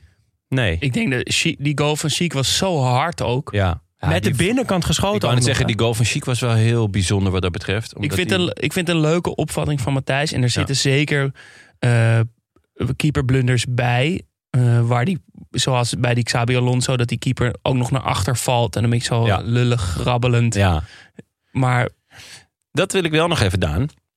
Jij zegt blij dat we niet samen hebben gevoetbald. Nou, dat mag. Maar ik deed dit ook vaak aan het begin van de wedstrijd. Omdat dan daarna de keeper verder in zijn in zijn hok ging staan. Dus de, je, de, Er zit een bepaalde psychologie achter. Dat, dat is ook zo. En soms denk ik ook wel van ja, ben ik gewoon. eh, je hebt één kans in de wedstrijd. ja, en met de vrije trap schiet je de eerste ook altijd op kruishoogte. Heel hard, toch? Altijd. Ja, Dat doe ik sowieso. Altijd Nog steeds kruis. Ja. Nee, dat, dat snap ik. Daar zit echt wel wat in. Maar ik word, ik word gewoon zelf een beetje moe van... eh, van vaak zijn het ook keeperstrainers die dan langs de zijkant zo zeggen... Hé hey Daan, eh, zie je die keeper eh, ver voor de goal staan? Dan denk ik, ja, Ja. tuurlijk zie ik dat. Maar eh, k- krijg hem maar eens daar overheen zo in, in, een, in een wedstrijd. Er staat altijd iemand vrij op een goede plek. Ik heb het idee dat iedereen, iedereen tegen jou we- de hele wedstrijd lang loopt te zeggen dat je moet schieten. En dat jij maar door eindeloos Wanneer begint competitie breien. weer? Ehm, ik denk over een paar weken. Lekker Ja. nou, eh, Jasper en ik. Schiet! Schieten! Gewoon, ja, Ga gewoon kijken en de hele tijd alleen maar schiet roepen. Maar ter inspiratie heb ik wel nog eh, een heel mooi verhaal opgedoken over een goal. Niet van de middenlijn, maar wel van heel ver. Ehm, een beetje zitten tegen een blunder aan. David Seaman eh, stond op goal. Dan zit het wel vrij zeker tegen een blunder aan. maar het gaat om de goal van Najim. Zaragoza Arsenal, finale Europa Cup 2 in 1995. Het is de allerlaatste seconde en Najim een rechtspoot heeft de hele wedstrijd op links gespeeld. Maar wordt voor de laatste paar minuten nog even op zijn favoriete plek gezet aan de rechterkant. Eh, er stuit een bal op, zo'n 40 meter van de goal, op de zijlijn bijna. En Najim denkt niet na en ramt hem richting goal. En hij scoort. Zaragoza wint. En dat is nog niet alles. Want Najim, die vijf jaar bij de grote aardsrivaal van Arsenal speelde, bij Tottenham dus, verklaarde na afloop dat hij de hele wedstrijd al hierop zat te loeren. Ja. Want hij wist, Arsenal speelt met een high line. Simon ver voor zijn goal. Er komt een moment dat ik daar eh, gebruik van kan maken. Heerlijk. En het lukt hem dus ook nog. En na de wedstrijd, zal je, zal je net zien weer, werd hij eruit gepikt voor de dopingcontrole. Het duurt maar, het duurt maar, het duurt maar. En als hij eindelijk klaar is eh, en het stadion wil verlaten, zijn al zijn teamgenoten al lang naar het restaurant toe waar ze feest gaan vieren in, in de stad. Uh, het is ook al na middernacht, late wedstrijd, geen taxi te vinden. Uh, en Najim ziet nog één bus voor het stadion staan. En denkt, ja, ik moet toch naar het restaurant toe. Dus hij klopt op het raampje, buschauffeur, kan je me alsjeblieft naar dit restaurant brengen? Hij zegt, nou oké, okay, kom maar, kom maar zitten. En dan loopt die bus in. En die bus zit dus vol met Saragossa supporters die net in het stadion hebben gezeten. En die Najim twee uur geleden die goal hebben zien maken. Ja, zo en een deel zit al te slapen en een ander deel herkennen hem. En die worden helemaal gek natuurlijk. en samen zijn ze die kant op gegaan. En hebben ze feest gevierd. Ja, dat bestaat vet. toch niet? Ja. Ja, Niet normaal. Een fantastisch verhaal. En die goal is bizar. Die gaat recht omhoog. Ja. Ja. Die valt opeens, vijf minuten later, valt hij in de kruising in het, Ja. het goal in. dus- Simon blijft ook op de grond zitten. Prachtig. Sunday Times kon er weer niet onder hoor bij eh, David. Goh, eh, maar, Maar wel moeilijk hoor, als een bal. Want kijk, jij hebt het net over die gecontroleerde bal. Die is best wel goed in te schatten als keeper. Ik had Maar deze de- nog met een omhaal eruit deze, gehaald. nou, vind ik wel. eh, nee, dat betwijfel ik. Maar ja? deze is moeilijk, man. Dat is zo hoog met zo'n daling. Vond het wel een. eh, Ja, hij Een valt gewoon goal, het goal ja. in. Waar, en waar die dan terecht komt, is, is heel lang de vraag volgens mij. Ja, schitterend. prachtig verhaal. Ja. Ehm, en een mooi fenomeen. En volgens mij inderdaad iets wat, wat spelers, als het nog niet gelukt is aan het eind van hun carrière, nog een keer proberen. Toch Cocu nog een keer tegen NAC, weet ik. Ja. Rooney nog een keer tegen West Ham. Ja. Gewoon een, een bucketlist. Ja. Ja, volgens mij is dat echt zo. Dat geloof ik wel. ja, Ronaldinho heeft het ook een keer gezegd. Die had toen eh, met een omhaal gescoord. Zei hij, ja, nu hoef ik alleen nog van de middenlijn te scoren. Dan ben ik, eh dan ben ik dan. Mooi. Ehm, is het belangrijk om iemand met een afstandsschot in je team te hebben? Ja, een beetje hetzelfde als wat met de dribbel, eh, wat we vorige week met de dribbel hebben gezegd. Je, je hebt af en toe wedstrijden die gewoon muurvast zitten, potdicht, geen doorkomen aan.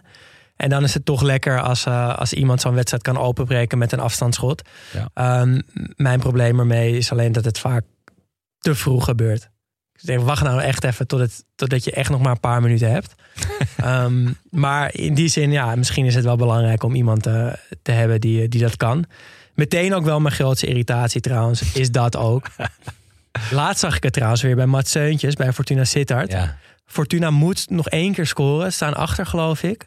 Hebben de bal, de blessuretijd is eigenlijk voorbij. Je ziet die scheids kijken, oké, nou, je mag hem nog één keer inbrengen. En hij ramt gewoon van eh, 35 meter op goal, huishoog over, wedstrijd afgelopen. ja, goed. Ja. Goeie poging. Dan eh, onze favoriete afstandsgoal. En dan zeg ik meteen Stankovic natuurlijk met die volley tegen Schalke. In eerste instantie natuurlijk vooral ook fijn omdat hij Neuer op zijn plek zet. Dus de eerste minuut van de Champions League wedstrijd. Neuer komt uit en kopt een, ba- kopt een bal van 20 meter voor de goal met een vliegende kopbal richting de middenlijn. Hij Hij gaat echt heel ver weg. Hij dacht, ik, ik vlieg er gewoon in. En, en Stankovic met zijn met zijn lichaam echt bijna in 90 graden raakt die bal Perfect. Perfect. Dat, die voel je volgens mij ook helemaal niet van je voet afkomen. Nee. Dat- En hij zeilt zo. hij, zeil, ja, hij, gaat- Ja. hij heeft niet backspin waardoor hij een beetje zo hij zeilt. bla- maar hij gaat hij- strak, Ja, maar strak. wel langzaam of ja. zo. He- En hij gaat nog over de hoofden van die twee verdedigers heen. Die nog achter Neuer staan. Want die staat belachelijk ver uit zijn goal. Zo'n bijzondere goal. En die bal die raakt dus de grond precies op die metalen rand van waar het net de, Ja. eh, de grond in gaat. Ja. Daar pas komt die bal neer. Dat is ook zo mooi dat hij niet stuitert. Ehm, ze verliezen die wedstrijd trouwens wel met 2-5. Dat was ik even vergeten. Ja. Knippen we eruit. Knip het eruit. Doet niet af aan die goal. eh, en dat heerlijke team van Inter eh, dat leuk. jaar. Ja, Jullie? Ja eh, het is ongelooflijk. Maar Daan en ik, eh, we zijn het eens. En dat Toch is- misschien wel een keer samen moeten voetballen. Ja, nou ja, goed. Of ik misschien een keer samen dan met Clarence eh, voetballen. Dat lijkt me dan wel weer genieten in, in Brazilië dan ook het liefst natuurlijk. Zeedorf tegen Atletico Madrid. Een, De moeder aller afstandsschoten. ja, Ik sluit me hier ook wel bij aan. hoor. ja, echt een wonderbaarlijke goal die ik heel lang echt heel moeilijk te begrijpen vond. Ik snapte Ja. hem niet hoe... Korrelig, een van die eerste YouTube-compilaties, toch? Beetje korrelig beeld. Duurde ook heel lang voordat ik door had dat het Seedorf gewoon was. Ja, ja, en, En wat ehm, zien we op dat filmpje? Nou ja, hij krijgt de bal rond eh, de middenlijn aan de rechterkant van het veld. Hij dribbelt een klein stukje op. Ik denk, nou ja, 40, 45 meter. Een beetje schuin voor de goal. En hij, de keeper, maar dat zag ik dus vandaag pas voor het eerst, want het was een goed shot van achter de goal. De keeper stapt iets uit omdat hij rekent op een voorzet. En in plaats daarvan, want hij kijkt op, om, om, om, hij ziet de spits ook lopen. Hij kijkt op en in plaats daarvan dat hij, dat hij dus een vroege voorzet geeft, streept hij met buitenkant rechts eigenlijk recht door het midden. Ja, maar zo hard. Zo, hard. En het deed me eigenlijk een beetje eh, denken, toen ik hem nu terugzag, ook van achter de goal aan eh, wat Urbi eh, ooit deed, vriend van de show, Urbi Emanuelson, eh tegen AZ. Die wist dat Romero vaak gokte op de vroege voorzet. En dat hij hem inderdaad buitenkant vreef pakte. En ehm, eh, extra mooi, Clarence eh Seedorf was de dag ervoor vader geworden van zijn, eh, eerste zoon. Eh, hij had niet of nauwelijks geslapen, want het was, eh, de geboorte was volgens mij ook in Nederland. Eh, hij was ochtends geland in Spanje en hij hoefde niet te spelen, maar hij dacht: ik zit er zo lekker in. Ik doe het gewoon. En eh, hij, eh, hij dacht: eh, nou ja, ik, eh, ik peun hem. En eh, dat pakte goed uit. En eh, ik weet niet precies waarom, maar dat las ik. Ehm, hij kreeg hiervoor 250 flessen wijn. Ik denk omdat het eh, in de derby was. Dus dat er een soort van extra eh, eh, premie of zo op stond voor de winnende goal. Hij kreeg 250 flessen wijn, waarover hij zelf zei... Ja, ik ben eh, geheel onthouder. Dus moet je nagaan hoeveel feest ik heb moeten geven voordat ik hier vanaf was. Ik zat ook echt al te denken, wat, ja, waar laat je 250? Ja, zullen we wel natuurlijk kasten van huis hebben. Ja, ja. Maar, eh, maar ja. die goal, ik, toch, normaal heeft een, een bal wel een bepaald traject, toch? Een bepaalde Ja. curve. Ja. Gaat of hoog en dan, of juist een beetje een, een afgeplatte curve. We Nee. weten nu alles van curves natuurlijk. Ja. Maar deze bal blijft maar horizontaal gaan. Ja. Er is geen. Hij lijkt ook niet te zakken nog. Of Nee. hij, ik begrijp niet hoe die boog eruit ziet. Klopt, hij slaat ook gewoon- in het net. Hij gaat gewoon rechtdoor. Ja. Ja. Ja, ik, ik sluit me inderdaad helemaal bij Jon aan. Want ik, omdat ik hem, ik snap hem gewoon nog steeds niet. En, en ik heb hem ook nog nooit eerder gezien, zo'n goal. Nee. En ook nooit, nooit meer gezien daarna. Ja. Die van Emanuelson komt inderdaad een klein beetje in de buurt, maar vind ik toch ook nog wel anders. Het Ja, qua idee. zeg maar. Maar gewoon van zo ver, zo hard in een soort van ja, rechte lijn die heel langzaam stijgt. Dus hij, hij lijkt ook tel, ja, lijkt op één hoogte te zijn, eigenlijk de, de, de hele weg van 40 meter. Ja, heel, heel, heel bijzonder. Heel bijzonder goal. Ja, zeker. Ja. En En dan wil nog ik, een, eh, een, ja. een, een, een compliment naar onze luisteraars. ja, eh, ik was een beetje bang voor deze aflevering, ehm, want afstandsschoten. Maar ik ben heel, heel, heel blij dat er geen één inzending van Gerard Lambert of Ballack is binnengekomen. dus dankjewel, lieve luisteraars, daarvoor. Dat doet Ja. me echt deugd. Ja, Echt die durven mooi. nu ook echt nooit meer. Nee, echt mooi. Ehm, en dan, eh, dan hebben we een nieuw item. Ja, En daar zijn we heel erg blij mee. Eh, wij krijgen al bijna sinds aflevering 1 spraakberichten van nu al de iconische paling. Ja. Eh, we zijn erachter gekomen dat het geen echte paling is. Dat hij ook niet echt paling heet. We hebben namelijk met hem gebeld. Eh, dat was heel leuk om een keer in het echte te zien. We hadden FaceTime. En eh, we hebben hem gevraagd om elke week een korte update te geven van het Belgische voetbal. Of iets vanuit België, vanuit onze zuiderburen. Wat te maken heeft met ons thema. Of helemaal eh, niet. En eh, vandaag is de eerste keer dat hij iets heeft ingezonden. En dat is dit. Hi mannen, Paling hier. Voor mijn favoriete afstandsschot ga ik terug naar het WK in 1990 in Italië, de Mondiale. Het is de eerste keer in mijn jeugd dat ik de Belgen op een groot toernooi weet spelen, aangezien ik voor 86 te jong was en ze in 88 er niet bij waren. Het is de tweede wedstrijd van de poelenfase en onze Rode Duivels spelen tegen Uruguay en ze spelen de pannen van een tak. En na een kwartier staat het al 1-0 en ergens in de 20e minuut krijgt Enzo Schifo een beetje voorbij de middencirkel de bal en hij pegelt hem daar recht in doel. Het is een, een iconische goal in de Belgische voetbalgeschiedenis. Niet zozeer omwille van, de, van, van Enzo Schifo, maar ook omwille van het commentaar van Rick de Saler. En nu gaan we eventjes heel meta. En gaan we Inception gewijs een audiobericht in een spraakbericht in een podcast. Je hoort hem ook klikken. Ja. Ja, we doen die bal goed fageren. Zavel, man uitschakelen, probeer maar, probeer maar. En Sifo, schieten. Ja, ja, ja, ja, ja, ja, oh la la. Oh, oh, oh. En de Nederlands wordt maar altijd beter. Enzo, Enzo. Hij wordt hier een van de grote sterren als ze zo verder gaan. Voilà. Enzo zou inderdaad een van de grote sterren worden op het toernooi. Hij zou opgenomen worden in het team van het toernooi. Maar het was dus vooral omwille van de Nederlandse commentaar van Rick de Sadler en zijn Nederlands wordt alsmaar beter te doen. Want Enzo is eigenlijk een Waal die geen Jood aan Nederlands spreekt. Maar op de dag dat de Rode Duivels spelen, vergeten alle Vlamingen en Walen onze communautaire issues en zijn we allemaal Belg. Schitterend. De eerste keer eh, dat, we, dat het minuutje van Paling er is, want zo noemen we dit item, krijgen we een meta eh, spraakbericht over ook nog eens de geschiedenis en de, de, de eenwording van België. Heerlijk. Echt schitterend. Dankjewel eh Paling. En in ieder geval tot volgende week. We hebben ook nog een paar nieuwe vrienden van de show. Drie dit keer. Pieter van der Brink, Idris en Kees. En heel veel verlengers. Nou, dat is toch lekker jongens? Heel lekker. Aan de top komen is één, maar verlengen, dat is een tweede. Eh, tot slot kan je natuurlijk ook nog steeds luisteren naar onze oude afleveringen over teams uit het recente verleden. Zoals die over PSV met Alex en Gomez en Hiddink. Of over het avontuur van Leeds United in de Champions League. Of die over de voetbalhemel, waar het Nederlands elftal ons in 2008 naartoe eh, voetbalde. Tot volgende week. Studio Socrates wordt mede mogelijk gemaakt door Dag en Nacht Media. Wil je meepraten? Dat kan. Laat een bericht achter op vriendvandeshow.nl slash Studio Socrates of via Instagram studio-socrates. Mailen kan trouwens ook. Ons e-mailadres is studiosocratespodcast.gmail.com Vond je het leuk? Geef ons dan een 5 sterren review op Spotify of word vriend van de show vanaf 2,50 euro per maand. En help Daan aan die IKEA-kast die zijn vriendin zo ontzettend nodig heeft.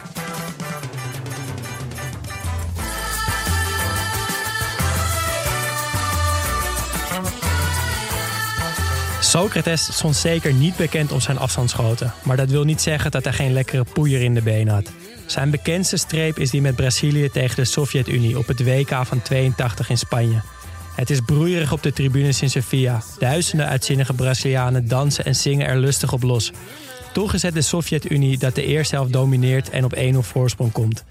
In de tweede helft dringt Brazilië aan onder aanvoering van Socrates en Falcao. Maar de Sovjets verdedigen de voorsprong met hun leven. Er is geen doorkomen aan, ook niet voor Socrates. Totdat hij in de 75 minuten bal krijgt op het middenveld. Hij passeert zijn directe tegenstander op zoek naar zijn favoriete rechterbeen. Hij doet alsof hij schiet en glipt langs de volgende Sovjet. En dan besluit hij de trekker over te halen. Van 30 meter. Hij produceert een kanonskogel die de keeper alleen gehoord kan hebben. Boom! Onhoudbaar kletst de bal tegen de touwen. Het stadion ontploft. 13 minuten later knalt ook Eder van buiten de 16 de bal het goal in.